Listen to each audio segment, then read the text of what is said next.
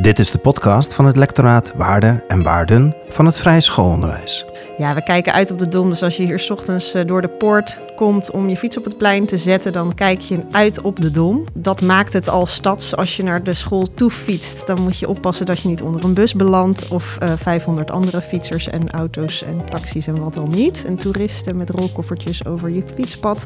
Dat maakt het al stads. En tegelijkertijd eh, in ons onderwijs proberen we heel erg te kijken naar op welke momenten kunnen we de stad bij onze les betrekken of de leerlingen de stad insturen. In deze serie onderzoeken Wouter Modderkolk en Janja Puweek inclusie en diversiteit binnen het Vrije Schoolonderwijs. Wat mijn ervaring is, en dat is, ja, goed, dat is mijn ervaring en ook een gedeeltelijke interpretatie van mij, dat vooral ouders uit bepaalde milieus of culturele achtergronden een vrij strak beeld hebben van wat onderwijs is en wat de bedoeling van het onderwijs is en hoe dat eruit moet zien. En letterlijk hebben we een leerling gehad, eh, die kwam overigens uit Syrië, die woonde nog helemaal niet lang uit eh, in Nederland, eh, waarvan de ouder letterlijk zei: Jullie zijn geen echte school, want jullie hebben geen boeken. Dit zijn twee losse werelden. Dus je hebt thuis en je hebt school en die hebben niet zoveel met elkaar te maken. In deze aflevering bezoeken wij Roos Magiel, teamleider aan Waldorf Utrecht. Maar mengen is erg moeilijk. Dus we hebben bijvoorbeeld een voetbalkooi op het plein staan met het idee van, nou, dan kunnen gewoon de kinderen die willen voetballen, dan delen ze dat. Dus die hoeven niet per se hun schoolachtergrond te delen. En toch ehm, gebeurt dat niet zo makkelijk. Maar over het algemeen, als ik de aula inloop, dan zie je gewoon, daar zit de club 3 MAVO regulier. Daar zitten de zevende, daar zitten de achtste. En nou zo, en door het gebouw zwerft nog wat. Die zich proberen te onttrekken aan wat dan ook. Waldorf Utrecht bestaat sinds 2018 en is verbonden met het Sint-Gregorius College in het hartje van Utrecht. Roos, welkom in de podcast. Dankjewel, Wouter. Zou jij kort kunnen vertellen waar wij hier zitten en wie jij bent? Ja, dat kan ik zeker. Eh, mijn naam is Roos Magiel. Ik ben teamleider van klas 7 en 8 op Waldorf Utrecht. Eh, wij zitten hier in eh, eigenlijk de voormalige docentenkamer van Waldorf Utrecht toen wij net begonnen onder de vleugels van het Sint-Gregorius College, waar we in 2018 zijn gestart. En inmiddels zijn wij als vrije schoolstroom binnen het Gregorius aardig gegroeid. Ehm, waardoor het ook nodig was dat we een teamleider kregen. En zodoende ben ik in die rol gerold. En eh, zit ik nu hier. Even voor mij, want Ja. dit is, we zitten in het Sint-Gregorius College, maar Mhm. jullie zijn daar binnen Waldorf Utrecht. Ja, Zijn jullie dan eigenstandig of zijn jullie een onderdeel van het nee, grote we zijn, we zijn één school. Dus het Sint-Gregorius is de school. En die heeft eigenlijk twee opleidingen, of eigenlijk nu drie. Eh, het regulier, dat wordt nu uitgefaseerd. Dat was MAVO, HAVO, VWO. Ehm, wel trouwens op katholieke grondslag. Ehm, en nu is Waldorf Utrecht gestart, dus in 2018 als vrije schoolopleiding zou je kunnen zeggen binnen de school. En eh, twee jaar geleden zijn we gestart voor het regulier met een soort hervorming in de vorm van Descartes, wat staat voor Design, Science en Art. Eh, dus eigenlijk heeft de school zich geherprofileerd en bestaat nu uit verschillende onderdelen. En waarom wilde het, de scholenkoepel, het vrije schoolonderwijs, daar een onderdeel van maken? En waarom zijn jullie daarop ingestapt? Het is andersom gegaan. Dus er was een initiatief om een eh, vrije school eh, bovenbouw in het Utrechtse te creëren, want die was er niet, terwijl de onderbouw groeiende was. En eh, toen heeft de initiatiefgroep, bestaande uit ouders van de onderbouw, die elkaar op het schoolplein eh, ontmoeten, gezegd: Goh, wat gek dat die keuze er niet is in de stad, dat je naar Zeist moet om daar naar de vrije middelbare school te gaan. We gaan zoeken naar hoe we dat kunnen vormgeven en waar er plek voor ons is. En die zijn toen, omdat het hier op steenworp afstand ligt, eh, en zij fietsten hier regelmatig langs, zagen ook wel eens lege klaslokalen en gingen met de rector praten en ze zeiden van joh, eh, is er hier misschien plek voor ons? En de rector destijds bleek zelf op de vrijschool les te hebben gegeven en zei nou, wat fantastisch. En toen eh, kwamen de dingen zo samen. En het Gregorius zat toen in een krimpsituatie, dus die konden het nieuwe leerlingaantal wel gebruiken. Bij de opening in 2018 werd er genoemd dat dit een stadse vrije school is. Ja, klopt. Hoe moet ik dat voor me zien? Wat is dat, een stadse vrije school? Eh, dat is een goeie, want dat wisten we toen ook nog niet. maar daar wilden we ons best voor doen. Ja, we kijken uit op de Dom. Dus als je hier s ochtends eh, door de poort komt om je fiets op het plein te zetten... dan kijk je uit op de Dom. Ehm, dat maakt het al stads. Als je naar de school toe fietst, dan moet je oppassen dat je niet onder een bus belandt. Of uh, 500 andere fietsers en auto's en taxis en wat al niet. En toeristen met rolkoffertjes over je fietspad. Dat maakt het al stads. Um, en tegelijkertijd uh, in ons onderwijs proberen we heel erg te kijken naar op welke momenten kunnen we de stad bij onze les betrekken of de leerlingen de stad insturen. Uh, we zijn gestart met danslessen op het Domplein, verzorgd destijds door het UCK, wat inmiddels een uh, soort van opgeheven is en in verschillende onderdelen nu nog bestaat. Uh, maar daar dansen we ook nog steeds. Dus dan zijn die kinderen echt in de stad bezig met de mensen die werken in de stad. Elk jaar, en dat past bij het Gregorius College en daar gaan wij graag in mee, uh, heeft de school een show in de stad Schouwburg van Utrecht. Twee avonden in de week, waar de hele stad ook kaartjes voor kan kopen. Nou ja, op die manier ben je gewoon echt een, een stadse school. Dus in ons curriculum proberen we dat te verweven. En hebben we nog niet zoiets als uh, landbouw of moestuin of zo. Uh, wat ik op termijn heel graag zou willen. In de vorm van een dakterras of wat dan ook. Um, ja, maar en dan, dan ga je dat in zo'n vak natuurlijk ook merken op termijn. Mm-hmm. Wat moet je dan doen als je in de stad woont? En als je kijkt naar, naar jullie stadse vrije school, wat, wat typeert deze bovenbouw uh, nog meer ten opzichte van de andere onderbouwen, bijvoorbeeld in Zeist? Uh... Ja, nou dat heeft heel erg te maken dus ook met uh, de leerlingen die hier naar school gaan. Want dat zijn de leerlingen uit de stad. En uh, bij het Sint-Gregorius is het ook echt zo dat de populatie een stadse populatie is. En um, ja, trouwens, we zitten natuurlijk zo in het centrum um, dat het niet per se zo is dat de kinderen die het dichtst bij de school wonen hier naar school toe gaan. Dus het zijn ook wel leerlingen in omliggende wijken. Maar een, ja, een kind uit de stad. Ik denk dat je er. Kijk, kijk, kinderen zijn kinderen, maar je gaat denk ik wel merken aan. Uh, als ze wat meer op straat hangen en zo, dat dat anders is dan wanneer je bij een bushokje aan een verlaten landweggetje hangt. Ja. Kom je toch met andere dingen in aanraking. Um, dus ja, die leerlingen die komen uit stad en die doen daar ervaringen op en die treffen we hier in de school. Mm-hmm. En uh, het Gregorius College heeft in de loop der jaren heel wisselende reputatie en populatie gehad. En ten tijde dat wij erbij kwamen, um, waren er best veel leerlingen met een migratieachtergrond. Um, en de reputatie, nou, die was op zich aardig, maar het leerlingenaantal liep wel terug. En toen is er ook gedacht van, ja, wat moeten we doen om het weer een beetje op te krikken? En daarvoor is toch een wat uh, een duidelijkere profilering nodig. Hmm. Maar goed, toen kwam Waldorf er eigenlijk als vanzelf al bij, waarmee je al een behoorlijk profiel neerzet. En wat voor een leerlingenpopulatie uh, kiest er hier voor deze stroom Waldorf-Utrecht? Kun je die omschrijven? Is dat ook die stadse populatie? Of? Ja, dat is zeker wel een stadse populatie. Hoewel we ook merken dat we een bepaalde functie in de regio aan het krijgen zijn. Dus er zijn wel ook leerlingen uit de beeld. En zelfs Bussum, Bunnik, Culemborg, die ook hun weg deze kant op weten te vinden. Maarsen. Um, maar de meesten die komen gewoon echt uit de stad. Hebben jullie ook leerlingen met die migratieachtergrond die eerst voor het Gregorius kozen en nu uh, voor deze specifieke stroming? Nou, dat denk ik niet. Dus het, ik vraag me af of het leerlingen zijn die. Um, dus nou, even om uh, terug te gaan naar het begin. Dus in ons uh, eerste bestaansjaar hadden wij nauwelijks tot geen leerlingen met een migratieachtergrond in, nou, zoals we die uh, kennen in Nederland. Dat is wel nu na vier jaar steeds een beetje meer geworden. En ik denk dat we, um, dus ik was heel erg blij, ik doe de aanmeldingen. Uh, dus ik was heel erg blij met wat ik zag. Want heel vaak uh, zie je aan namen al wel, ah ja, daar, uh, daar zit een achtergrond in. En die, die namen werden er steeds meer. En dat vond ik heel erg gunstig. Nou, inmiddels ben ik erachter dat het niet altijd gunstig is, omdat het ook kan betekenen dat mensen denken: oh, ik ga naar het Gregorius. Mm-hmm. Nog vanuit de reputatie die ze kennen van vroeger, van een ouder kind of via via. En niet in de gaten hebben dat het Gregorius inmiddels een andere verdeling heeft van opleidingen.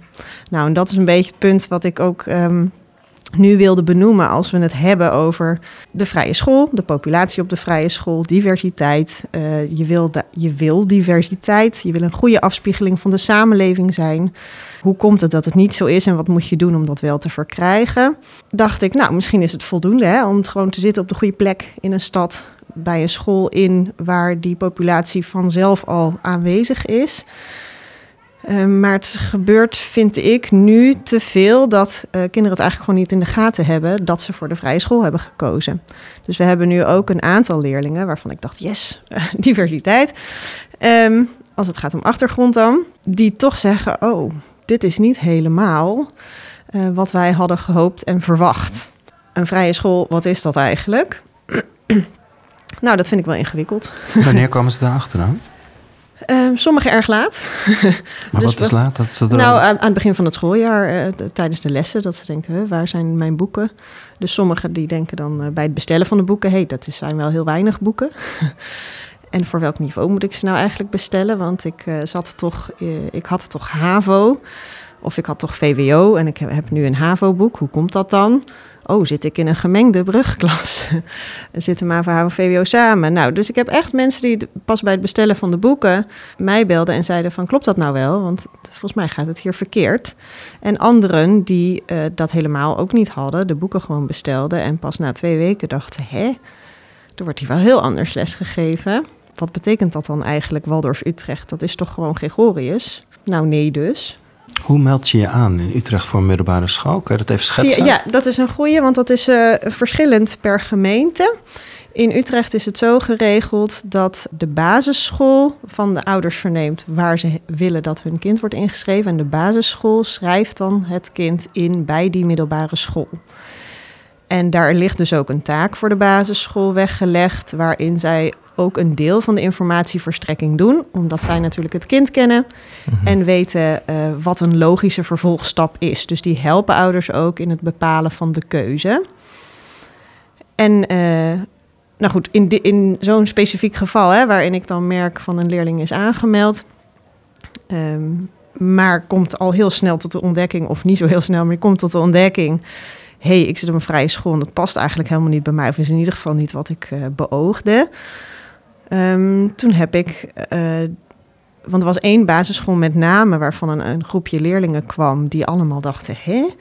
Mhm. En toen heb ik die basisschool gecontacteerd en gezegd van jongens, wat, uh, wat is hier gebeurd? Want hoe komt dat nou dat deze leerlingen dat niet weten? En uh, nou, dat bleek dat er een nieuwe groep 8 docent was of leerkracht was die dat proces nog niet zo goed kende.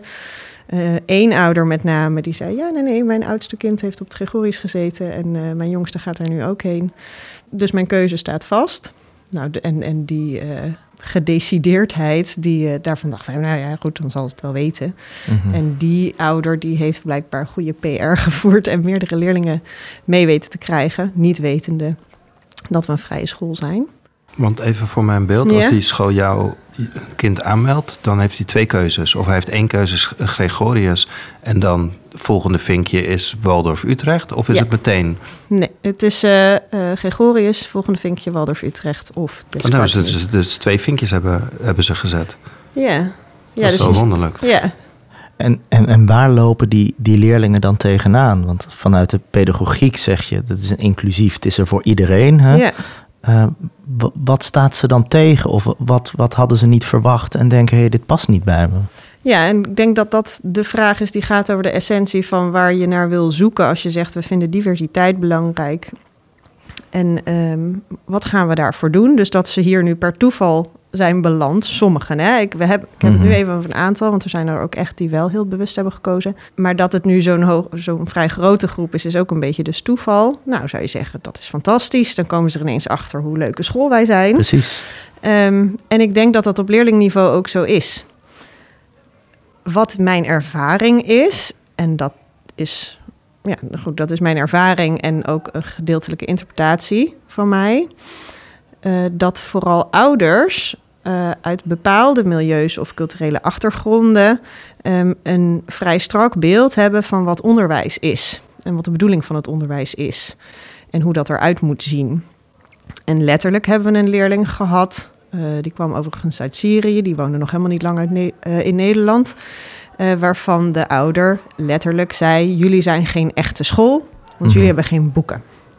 Mhm. Dus als je beeld is dat een school alleen maar met boeken goede lessen kan verzorgen en je ziet dat als ouder niet terug. En leren staat voor jou zeer hoog in het vaandel. En je bent misschien iets minder bezig met sociale eh, veiligheid of welzijn of nou, gewoon vriendjes, vriendinnetjes. Dan kan je snel de conclusie trekken: oh, dit is geen echte school. Hier moet mijn kind niet zijn. Dit is allemaal veel te creatief. Ik wil gewoon hop leren. Waar is je rijtje woordjes? Ehm, geen toets. Hoe kan dat nou? Nog steeds geen toets. En met En- leren bedoel je echt het cognitieve leren? Ja, Ja. heel erg het cognitieve. Ja, dus dat is ook wat ik nu terugkrijg van die kinderen die zeggen van ja, en toch gaan wij, of, ja, of het dan dus de kinderen of de ouders zijn.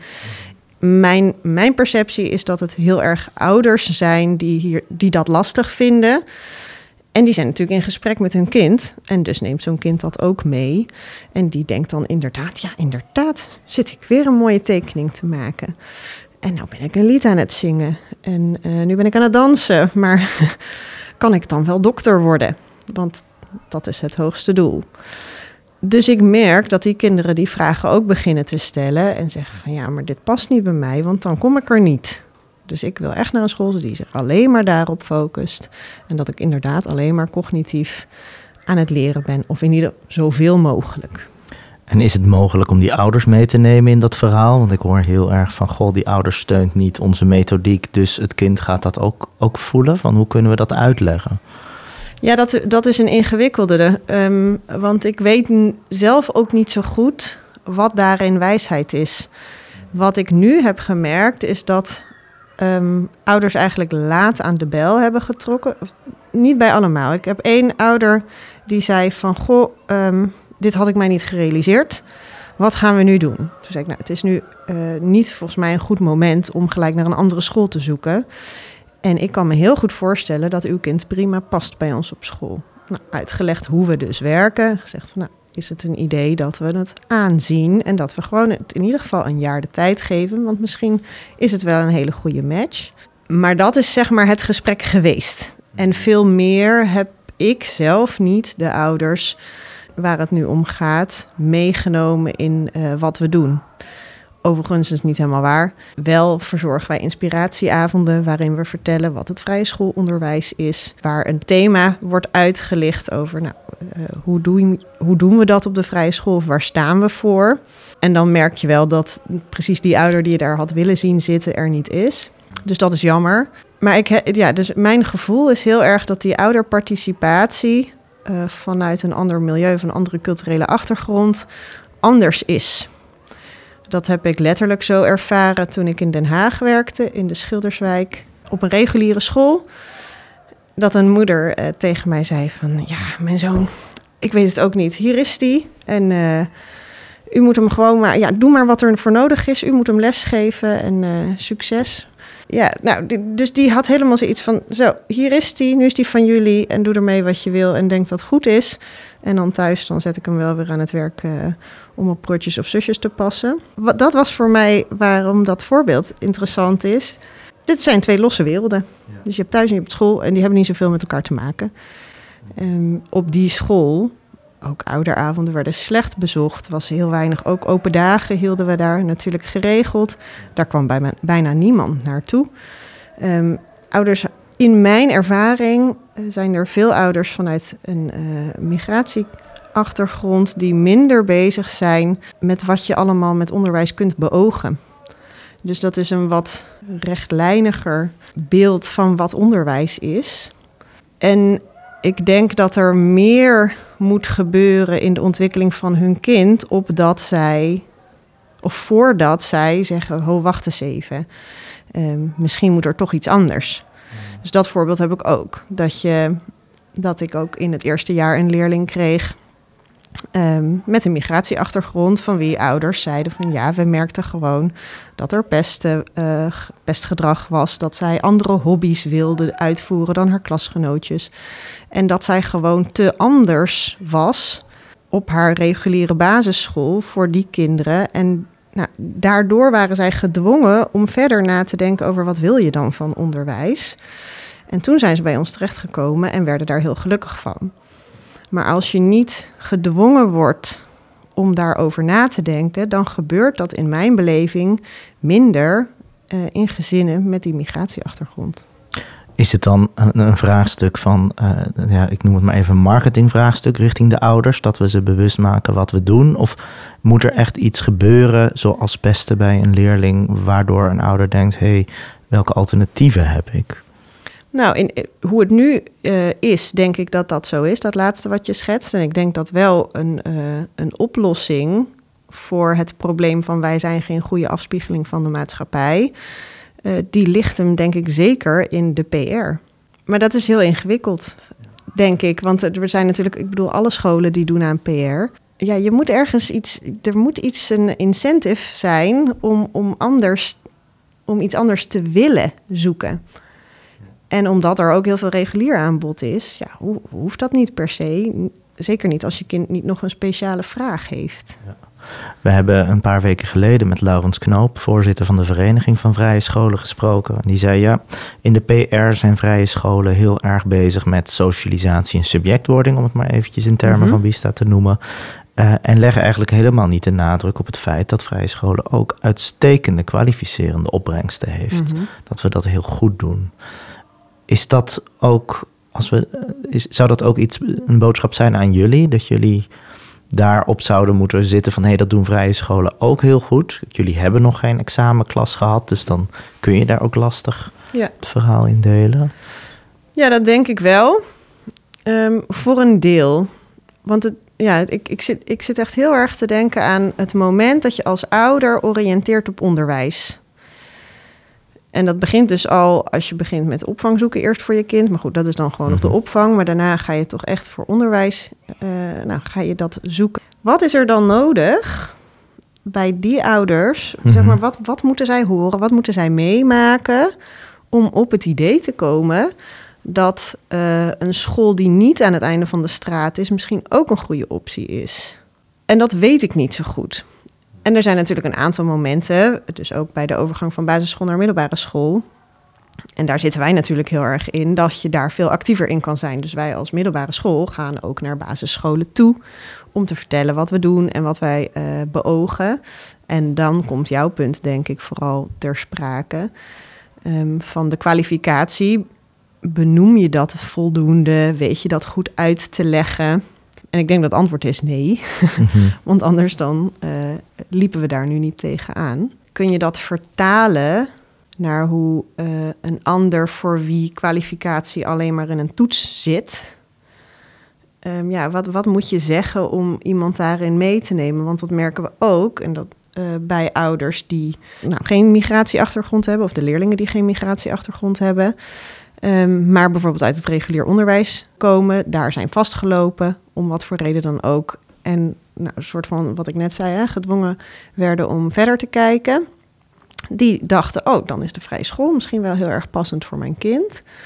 Waarvan we heel duidelijk zeggen tijdens open dagen, dit is hoe we werken, um, weinig boeken. Um, we zijn bezig met al die onderdelen, wat jij net noemde, socialisatie, um, persoonsvorming, kwalificatie maar niet in de vorm zoals je dat gewend bent per se. En dan zeggen heel veel mensen, ja, ja, dat begrijp ik wel.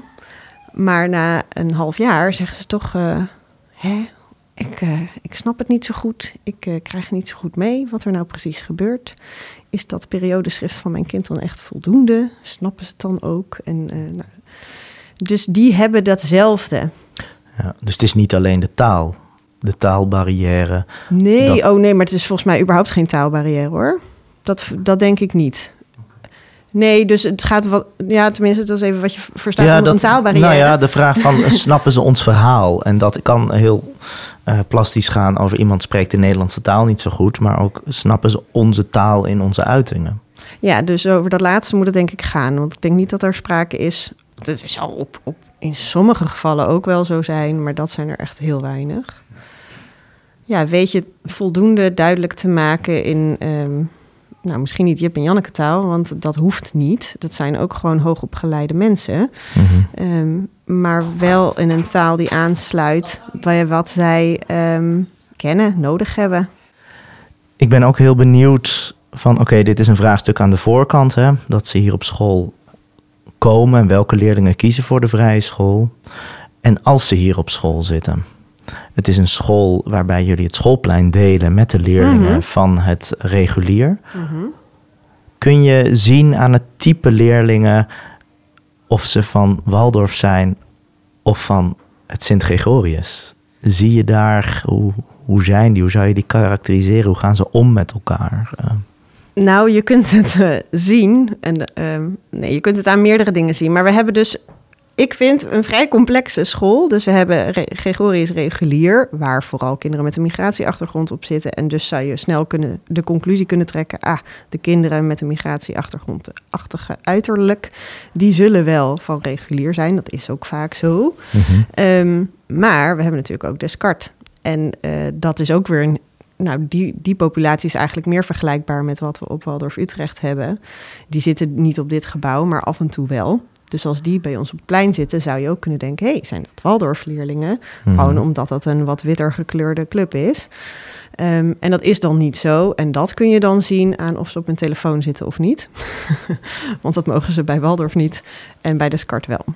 En verder, ja, wat je misschien nog zou kunnen zien, is dat ehm, bij Waldorf er meer leerlingen zijn, denk ik, die ehm, een alternatieve kant op gaan in hun kledingkeuze. Mhm. Ehm, en met de kleur van het haar. dus er loopt wat meer blauw haar en eh 50-50 haar en zo rond. Mhm. Ja, ik heb het idee dat dat wel iets is wat vooral op Waldorf gebeurt. En hoe gaan die leerlingen met elkaar om? Want de leerling van het reguliere Gregorius, dat is een, een, een, een- nou ja, wat, wat, wat eh, meer migratieachtergrond. De leerlingen op de vrije school eh, wat minder, om het maar Ja. even zo te zeggen. Mengen die? Weinig, die mengen erg weinig. En dat is ook lastig, hè? want dat doe je niet vanzelf als je daar niet echt reden toe hebt. En zeker als je als beduidend ander uitziende club start in een school die bestaand is, dan denken die oudere kinderen ook van, nou, wat doen die, eh, die brugpiepjes hier en wat is dat voor een club? En eh, nou, gaan ze een beetje vragen stellen, wel in groepsverband, hè? dus in, groepjes gaan naar groepjes toe die dan vragen van, eh, wat doen jullie? Nou, die vinden daar dan soms wat van. En, en soms gaat dat heel leuk. Maar vaak zit er toch een beetje zoiets in van ja, jullie komen op onze plek, wat heel begrijpelijk is. Hè? Inmiddels is dat niet meer zo, dus zo begon het een beetje. Maar nu is het natuurlijk, zijn is Waldorf ook gevestigd in het gebouw en weet iedereen dat. Maar mengen is erg moeilijk. Dus we hebben bijvoorbeeld een voetbalkooi op het plein staan met het idee van nou, daar kunnen gewoon de kinderen die willen voetballen, dan delen ze dat. Dus die hoeven niet per se hun schoolachtergrond te delen. En toch ehm, gebeurt dat niet zo makkelijk. Dus dat hebben we wel gemerkt. Dan hebben ze andere regels, hanteren ze. Of, eh, of de kinderen van Waldorf, die willen vaak gewoon met 10 tegen 10 in een hele kleine voetbalkooi. maar dat, eh, dat past ook gewoon niet. En dat wordt als je een beetje wat serieuzer speelt ook gewoon ingewikkeld. Dus dan zijn de kinderen van Gregorius, die zijn het daar niet mee eens. Die zeggen van nee, nee, nee, je moet niet met zoveel. En eh, hup, eruit. En eh, nou, zo. Ehm, dus dat is lastig. En we hebben ons best gedaan om te kijken van nou, wat kunnen we daar nou voor doen? Dat moet je dus organiseren. Ehm, en we hebben geprobeerd ook tijdens jaarfeesten bijvoorbeeld te zeggen van nou, kunnen we daar niet op elementen zeggen, we doen wat samen. Dus we zijn in ons eerste jaar bijvoorbeeld samen ehm, vliegers gaan maken. Eh, met Michael. Wat ik heel erg leuk vond en wat ook echt wel goed ging. En wat denk ik heel erg heeft geholpen bij leerlingen om ook bepaalde angst weg te nemen. Want vergis je niet, er waren ook heel veel kinderen die vanuit de vrije school hier kwamen. En dat echt spannend vonden. Van kinderen waarmee ze in hun buurt niet in aanraking komen. Waarmee ze niet in aanraking komen. Nou, op die manier hebben we het geprobeerd te organiseren. En ik denk dat het dus die angsten zeker heeft weggenomen. En in ieder geval meer begrip voor, oh ja, zij zijn ook gewoon kinderen en zij gaan hier ook gewoon naar school. Echte vriendschappen, nou soms, heel af en toe, gebeurt wel. Maar over het algemeen, als ik de aula inloop, dan zie je gewoon, daar zit de club drie MAVO regulier. Daar zitten de zevende, daar zitten de achtste. En nou zo, en door het gebouw zwerft nog wat. Die zich proberen te onttrekken aan wat dan ook. En is dit ook een thema wat binnen jullie lerarenkorps speelt? Eh, Ja, zeker. En daarin merk je ook dat je dat heel graag kunt willen, maar dat er best veel voor nodig is om dat eh, goed te doen. Dus alleen het organiseren mhm. van zo'n activiteit waarin de leerlingen elkaar ontmoeten is niet voldoende.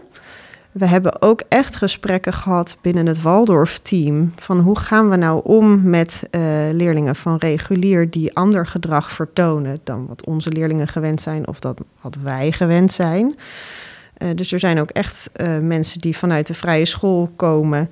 Um, en daar bepaalde populatie al gewend waren. En nu te maken krijgen met kinderen die ook meer um, vanuit een straatcultuur gedrag laten zien. En die zich daar ook niet, uh, nou, die daarin handelingsverlegen zijn, ook om die kinderen aan te spreken, bijvoorbeeld op ongewenst gedrag. Of niet in de gaten hebben dat het heel handig is om, uh, om voordat je überhaupt ze moet aanspreken op ongewenst gedrag, te zorgen dat je ze eerst heel vaak hebt gezien en een box hebt gegeven en uh, een praatje gemaakt. En daarin is onze organisatie ook weer heel erg gecompliceerd. Want als ik les geef aan die groep, dan, Mhm. kan, dan bouw ik op die manier een relatie op. Maar als ik dat niet doe, omdat ik een vrije schoolleerkracht ben en voor Waldorf ben aangesteld, dan ben ik ook alleen maar iemand van die club, die alleen als ik door de gang loop en als ik dus een opmerking heb, omdat ik een leerling moet corrigeren bijvoorbeeld, dan, dan versterkt dat die negatieve positie voor die Mhm, leerlingen. Dus die denken, ja, god, heb je diegene weer die ik verder niet ken, die dan ook letterlijk zeggen, wie ben jij? Waarom, wa- wa- wie ben jij om mij te vertellen dat ik dit of dat niet mag? Dus dat, dat houdt zichzelf in stand en het is ingewikkeld. En, en ik zie ook dat collega's daarmee stoeien van hoe, wat is dan de beste manier om eh, kinderen aan te spreken. Dus nou, daar hebben we vergaderingen over. Ehm, maar dat leer je niet zo 1, 2, 3 en zeker niet als dat vooral in die tussenmomenten zit Mhm. Ja, ik vind dat zelf wel een lastige, want ik denk, ja, dat, dat is voor mij een stukje oplossing. Als wij als docenten daar bekwamer in zijn, dan is het ook makkelijker om in geval van conflict tussen leerlingen onderling het gesprek aan te gaan. Dus dat heb ik ook Mhm. gehad met mijn eerste klasje hier op school, die het dus echt spannend vond om samen met die leerlingen het plein te delen. Die zeiden van ja, maar dan pak ik mijn fiets en dan wil ik weg en dan staat er zo'n groepje jongens bij de poort en dan durf ik eigenlijk niet langs. Want dan kijken ze op een bepaalde manier of ze beginnen te lachen. En dan weet ik niet of het om mij gaat en zo. En omdat ik bekend ben met dit soort kinderen, die meer van de straat zijn en die dat hanggedrag meer vertonen. En eh, met capuchons op en stoer en, eh, en oortjes in. En soms nog een bril op, zodat je ook het gezicht niet goed kan peilen.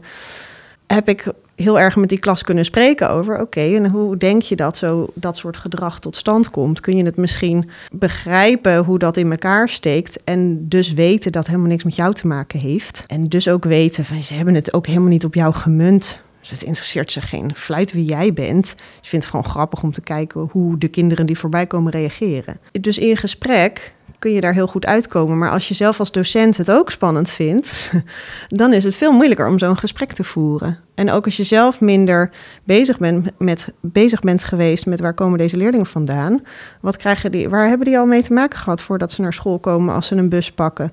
Met onuitgesproken, soms echt discriminerende houding van hun omgeving, dan snap je ook wel dat er bepaald gedrag is. Zie je, zie je ook dat er leerlingen van Waldorf Utrecht om die reden weer weggaan bij Waldorf Utrecht en bijvoorbeeld naar een andere bovenbouw of een andere school gaan, omdat ze ook misschien een docent hebben die hen niet kan helpen om over die angst. Nee, heen dat te eigenlijk komen. nauwelijks. Eén expliciet, nee, één geval, maar er was veel meer nog aan de hand. Ja, één, één leerling. Maar bij anderen, en ik ben laatst ook nog weer in een klas gekomen, eh, omdat die docent zei van, eh, dus een zevende klas, klasleerkracht, die zei, eh, goh, mijn klas die heeft er last van in die tussenmomenten, hè, of van eh, als we gym hebben op de andere locatie, dan moeten ze een fiets pakken en dan moeten ze daarheen. En dan hangen er kinderen in de buurt en dat vinden ze spannend en lastig. Ehm, toen zei ik van, nou, volgens mij moet je een klassengesprek daarover voeren. Mhm. Nou, zei hij, dat vind ik wel ingewikkeld, want ik weet ook niet zo goed wat ik moet zeggen. Zei, nou, dat is goed, dan kom ik bij jou in de klas en dan hebben we samen dat gesprek. En dan merk je dat die kinderen daar eigenlijk al heel goed over kunnen spreken en zich kunnen inleven. Vind ik voor die leeftijd, vond ik dat verbazingwekkend. Wat zeggen ze nou? Wat ik eigenlijk net schetste, hè? dus eh, van wat er gebeurt in Nederland als je een kleurtje hebt bijvoorbeeld. Wat er kan gebeuren, hè? hoe mensen je kunnen zien. Ik zeg van ja, misschien heb je een capuchon op gewoon omdat het koud is en je dat lekker vindt. Maar als jij een capuchon op hebt, dan lokt dat toch een beetje bepaald gedrag, een bepaalde houding van, bij de ander uit. Eentje van meer afstand. Ja, ik weet even niet meer precies wat er nou letterlijk werd gezegd, waardoor ik zo onder de indruk was. Maar ik merkte dat zij dat heel goed konden meeleven. En ook van, nou, wat, wat wil zo'n kind nou als jij door de gang loopt en zijn voet uitstikt? Want het is heel vervelend. Echt heel vervelend. En zeker als je echt struikelt, dan voel je je gewoon echt onveilig, want je kan je bezeren. En dan wordt erom gelachen. Wat doe je daar dan mee? En wat heb je nodig? Nou, en daarin vooral die vraag van wat, wat heb je nodig? En wat denk je dat de reden is dat zo'n ander dat doet? Daar vond ik dat ze heel goed uh, mee, ja, inlevend op konden reageren. Oh ja, die probeert waarschijnlijk gewoon stoer te zijn. De, ja, dat is misschien ook een kind wat, wat wat nodig heeft in het aandachtsspectrum en daarom dat doet. Ja, en hoe reageer je dan? Ja, dat is nog wel een beetje spannend. Nou, er zitten ook bij ons zitten natuurlijk ook leerlingen in de klas met een migratieachtergrond. Niet veel, maar die zijn er wel. Dan merk je ook in zo'n gesprek dat, uh, dat zo'n leerling dan zegt: Oh, ik heb daar helemaal geen last van. Ik zeg: Nou, wat doe jij dan als je getackeld wordt, bijvoorbeeld? Of een kind doet alsof. Dan, dan blijf ik staan, dus dan ga ik op zijn voet staan. Oké, ja. en, en wat gebeurt er dan? Ja, bij mij niks. Ja, zegt de ander, bij mij wel. Ja, nou goed. Zo'n gesprek helpt denk ik alleen al omdat ze van elkaar horen dat je er op verschillende manieren mee om kan gaan. En uh, dat ze van elkaar weten, oh, die vindt dat wel spannend. En wat, ja. Nou, je vertelde dat je de klas in ging om, om dat bespreekbaar te maken en dat ja. ze dat goed konden inleven.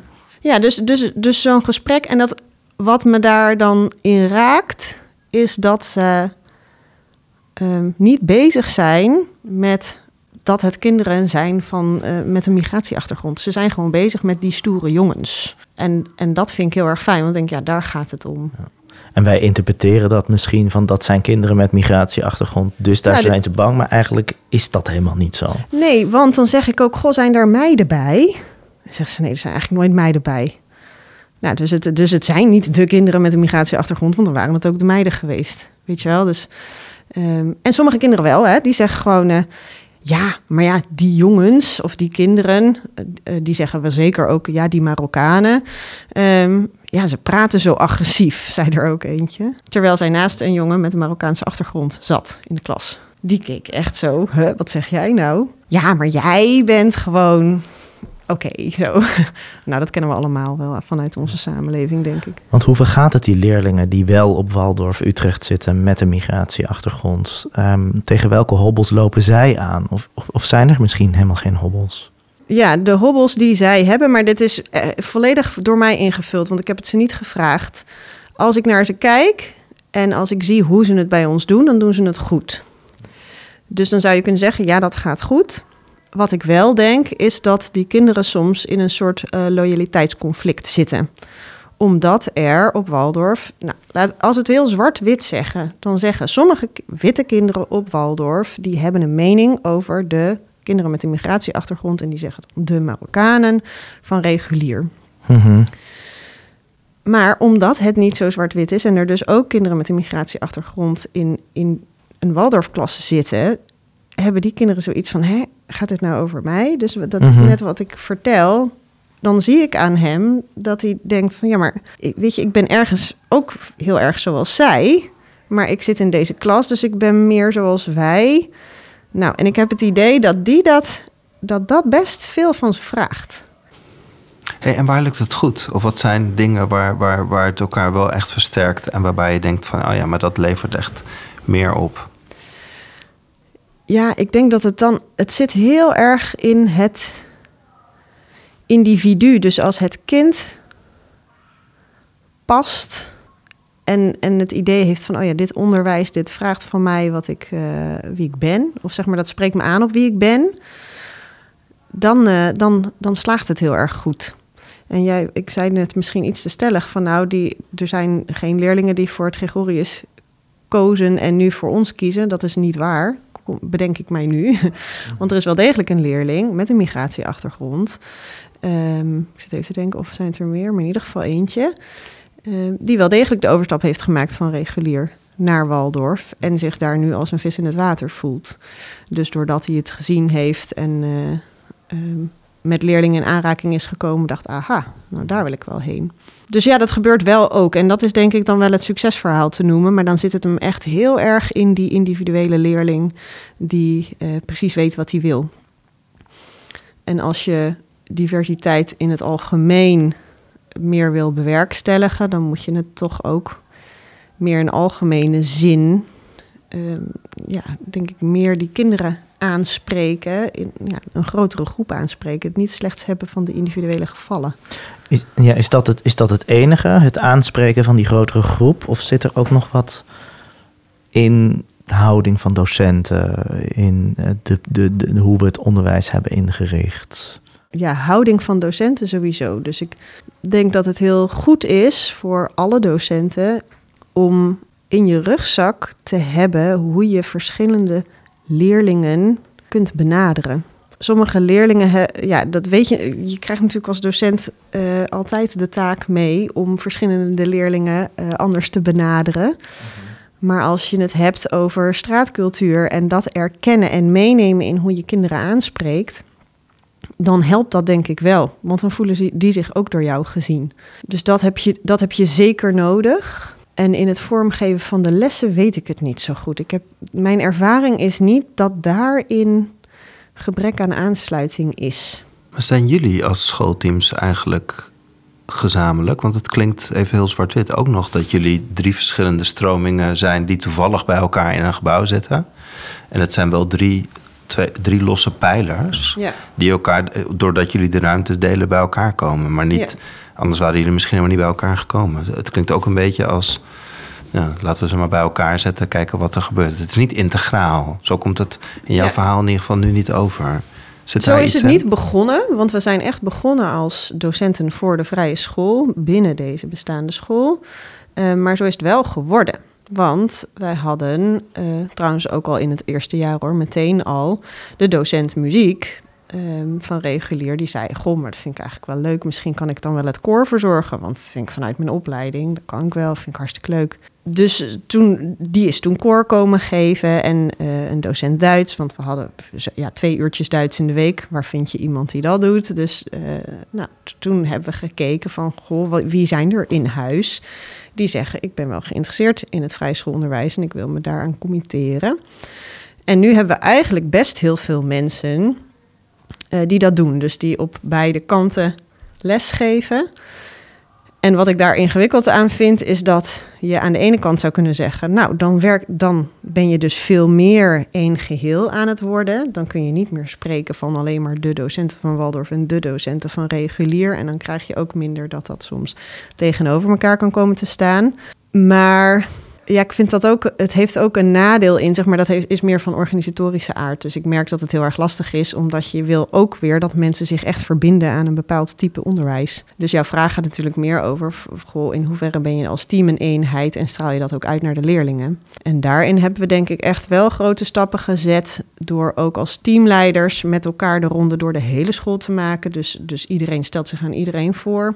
Ik ben ook op de dagen dat mijn uh, collega-teamleiders van regulier ja, die zijn er dan wel, maar soms dan, nou, dan ben ik aanspreekpunt van die dag. Dat heet bij ons dan de teamleider van de dag.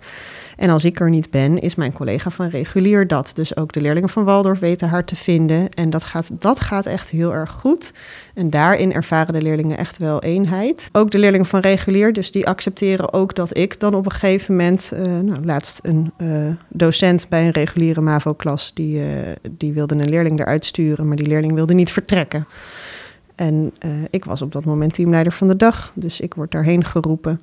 Nou, en die leerling accepteert op dat moment gewoon ook mijn plek. En uh, die gaat met mij mee en ik voer dat gesprek. En met die docent net zo. Dus in dat opzicht heb ik het gevoel dat we steeds meer echt als één team functioneren. En heeft dat ook doorwerking en in de gezamenlijkheid? Zit daar een antwoord in, in het, in het gezamenlijke? Bedoel je richting de leerlingen? Ook, ja. Nou, ik, het is heel erg per, eh, persoonsgebonden. Dus je merkt dat leerlingen het van de een accepteren en van de ander minder. en wat zijn die persoonlijke kenmerken? Ja, het is niet helemaal om mezelf op de schouder te kloppen, maar ik denk dat het wel te maken heeft met weet je die leerling aan te spreken op waar die vandaan komt en wat hij daarin gewend is. En omdat ik daar ervaring in heb, vanuit mijn ervaring in eh, Den Haag, denk ik dat ze dat sneller bij mij accepteren. Dus wat met jongens van de straat niet zo goed werkt, is en nou meekomen. En dan wachten tot hij meekomt. Dat heeft geen zin, want die leidt gezichtsverliefs ten overstaan van de groep. Dat is met leerlingen vanuit een uh, meer Hollandse groep niet zo'n issue. Die, die denken dan, oh, dan moet ik meekomen. Nou jongens, daar ga ik, doei. Maar met zo'n leerling vanuit straatcultuur of vanuit, um, nou ik moet misschien ook niet zeggen straatcultuur, want dat is natuurlijk ook helemaal niet altijd het geval. Maar die grote jongens onderling, ja, dat, dat is niet cool. Dus dat wil je eigenlijk niet. Um, dus hoe doe je dat dan? Hoe zorg je dan dat je toch die leerling eventjes kan aanspreken? Want dat wil je niet ten overstaan van de hele groep doen. Nou ja, dat, dat je daar bewustzijn op hebt, dat is belangrijk. Hoe neem je zo'n leerling mee? Zeggen wat je wil en alvast gaan. En niet wachten tot je ziet dat hij in beweging komt. Zeg van, joh, kom, we gaan even daar zitten. Loop je even mee? Ik ga vast. Heel relaxed. En dan komen ze? Eigenlijk altijd. Ja, en soms niet. Dus soms, soms is er wat meer voor nodig. Uh, dan kan het ook zo zijn dat je de andere even weg moet sturen of zo. Je, je, zegt iets belangrijks volgens mij namelijk. En, en daar zoek ik even naar hoor. En ik, ik kan het mm -hmm. ook nog niet zo goed begrijpen. Jij kijkt door hun bril mee. Um, en je snapt ook wie, wie... Je ziet daarmee eigenlijk ook de ander. Ja, en je hebt wat kennis van, van hoe dat werkt. Ja. In die kringen. En, en, en betekent dat dus ook... willen we meer met elkaar en met elkaar leven en leren en, en meer dat in gezamenlijkheid doen, dat, dat we daar meer te verzorgen hebben aan alle kanten? Ja, dat, dat denk ik wel. Dat lijkt me heel belangrijk, want dan uh, ben je beslagen ten ijs als je wel ineens die grotere groep uh, diversiteit voor je neus hebt. Want als je dan pas moet uh, gaan scholen, dan voelen ze, zij zich in ieder geval niet aangesproken. Dus ik denk het wel. Dus als je de pijlen op de toekomst richt en zegt van nou dit, en je maakt er echt een pijler van. Voor ons is het denk ik in deze fase van ons bestaan wat vroeg om daar echt keihard op in te zetten. Maar als we op een gegeven moment zo bestaan dat we zeggen nou en nu maken we daar een speerpunt van. Dan denk ik dat het heel goed is dat je daar begint. Ja, dus, dus het scholen van docenten in hoe, hoe ga je om met uh, verschillende groepen leerlingen. En wat bedoel je met in onze fase zitten we nu nog anders? Als Waldorf Utrecht bedoel ik dat we nog jong zijn en dat er nog heel veel is waar we mee bezig zijn, wat meer over de basis van ons onderwijs gaat. Dat het nu te vroeg is, denk ik, om. Uh... Want het is geen onderdeel van de basis? Ja, dat is een goede vraag. Kijk, ik vind dat het altijd onderdeel moet zijn van de basis dat je verschillende kinderen verschillend aanspreekt.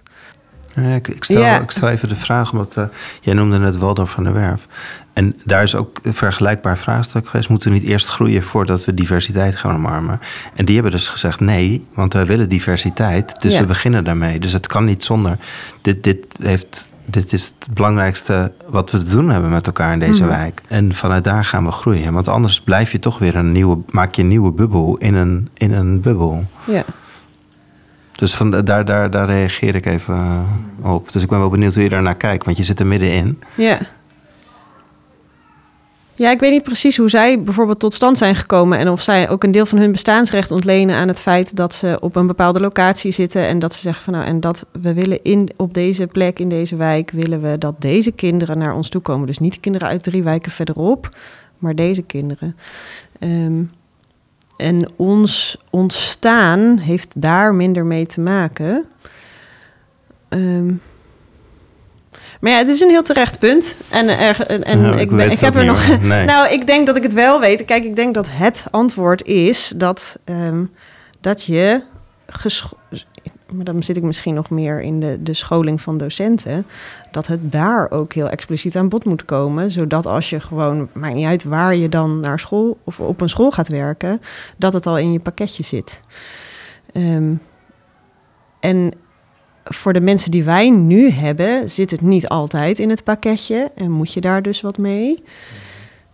En daarvoor denk ik zijn wij nu niet bij machten, ehm, omdat we daar nu de prioriteit niet leggen eh, om dat aan te pakken. Ja, dus ik denk dat het hem daar een beetje in zit. Als, je, eh, als het je speerpunt is, dan snap ik natuurlijk dat, dat je daar meteen mee begint. En voor ons is dat iets minder een speerpunt. T- toch, mag ik hem toch nog even, even, even, even uit elkaar nog... Te. Zonder veroordelend te zijn. Maar, maar zijn er ook krachten om wel die bubbel te, te koesteren? Laat ons wel eh, met, met ons groene haar... en doe daar die gouden tralies overheen... dat we met elkaar op deze manier kunnen doen. Speelt dat mee? Voor mij niet. Ik denk voor sommigen wel. Die vinden dat nog steeds, ja, die vinden dat wel lastig. Ja, dus ik heb, goed, ik gaf dat ene voorbeeld van die ene leerling waarbij het echt een punt was om te zeggen van nou, ik, eh, ehm, ik vind deze populatie te ingewikkeld en eh, ik wil hier weg. Waarbij we bij het aannamegesprek ook al merkten aan de ouder dat hij dat heel erg lastig vond. En dat we toen letterlijk hebben gezegd: het is misschien wel een hele goede kans om uit je bubbel te komen. Gewoon letterlijk. Ja, En dat weerbaar was- te worden in de wereld. Ja, weerbaar, maar ook gewoon, eh, weet je, ja, is je kind erbij gebaat om in de bubbel te zitten, terwijl dit is de stad waar jullie wonen. Ja, Ja. Dit, weet je, als je nu gaat winkelen, dan kom je bij al deze mensen in de winkel. En eh, die durf jij nu dus niet aan te spreken, want dat vind je doodeng. Dus nou, op die manier hebben we dat eh, gezegd. Nou, kom, kom uit je bubbel, kom uit je comfortzone. Maar dat had geen succes. Ja. Dan komen we ook weer bij de Stadse Vrije School. ja. En dat dat eh, ook Ja, dus- stads mag blijven. Ja, en misschien is dat dan wel het beste antwoord op jouw vraag. Dus waar leg je de nadruk op? We leggen de nadruk op dat we stads zijn. En inherent daaraan is dat je met een, eh, eh, een diverse samenleving te maken hebt. En daarmee proberen we leerlingen in contact te brengen. En zou je eigenlijk moeten zeggen van nou, dan is dat ook richting docenten waar het om gaat. Van hé, hey, wat vraag jezelf eens af in mijn onderwijs nu? Ehm, is, is dat Waldorf-Utrecht onderwijs of is het Waldorf onderwijs? Ja, want waarom heet Waldorf en niet Vrije School? Eh, voor het meer internationale karakter dat de naam Waldorf heeft. En ook ehm, omdat we toch ja, in, in de landen volgens mij wel merken dat de naam vrije school soms eh, verwarring opwekt. Maar goed, ja, je, we hebben daar nog steeds mee te maken. Want om uit te leggen wat Waldorf is, gebruiken Mhm. we ook de term vrije school. Ehm, maar het idee was vooral vanuit het internationale perspectief.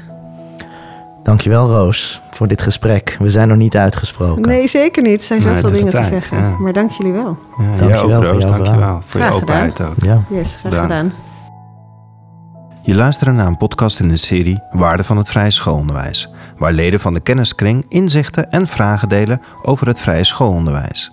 Daarnaast komen in deze serie mensen aan het woord die vanuit hun ervaring of expertise hun licht laten schijnen op het vrije schoolonderwijs. Like deze uitzending zodat meer mensen ons makkelijker kunnen vinden. Tot de volgende aflevering in deze serie.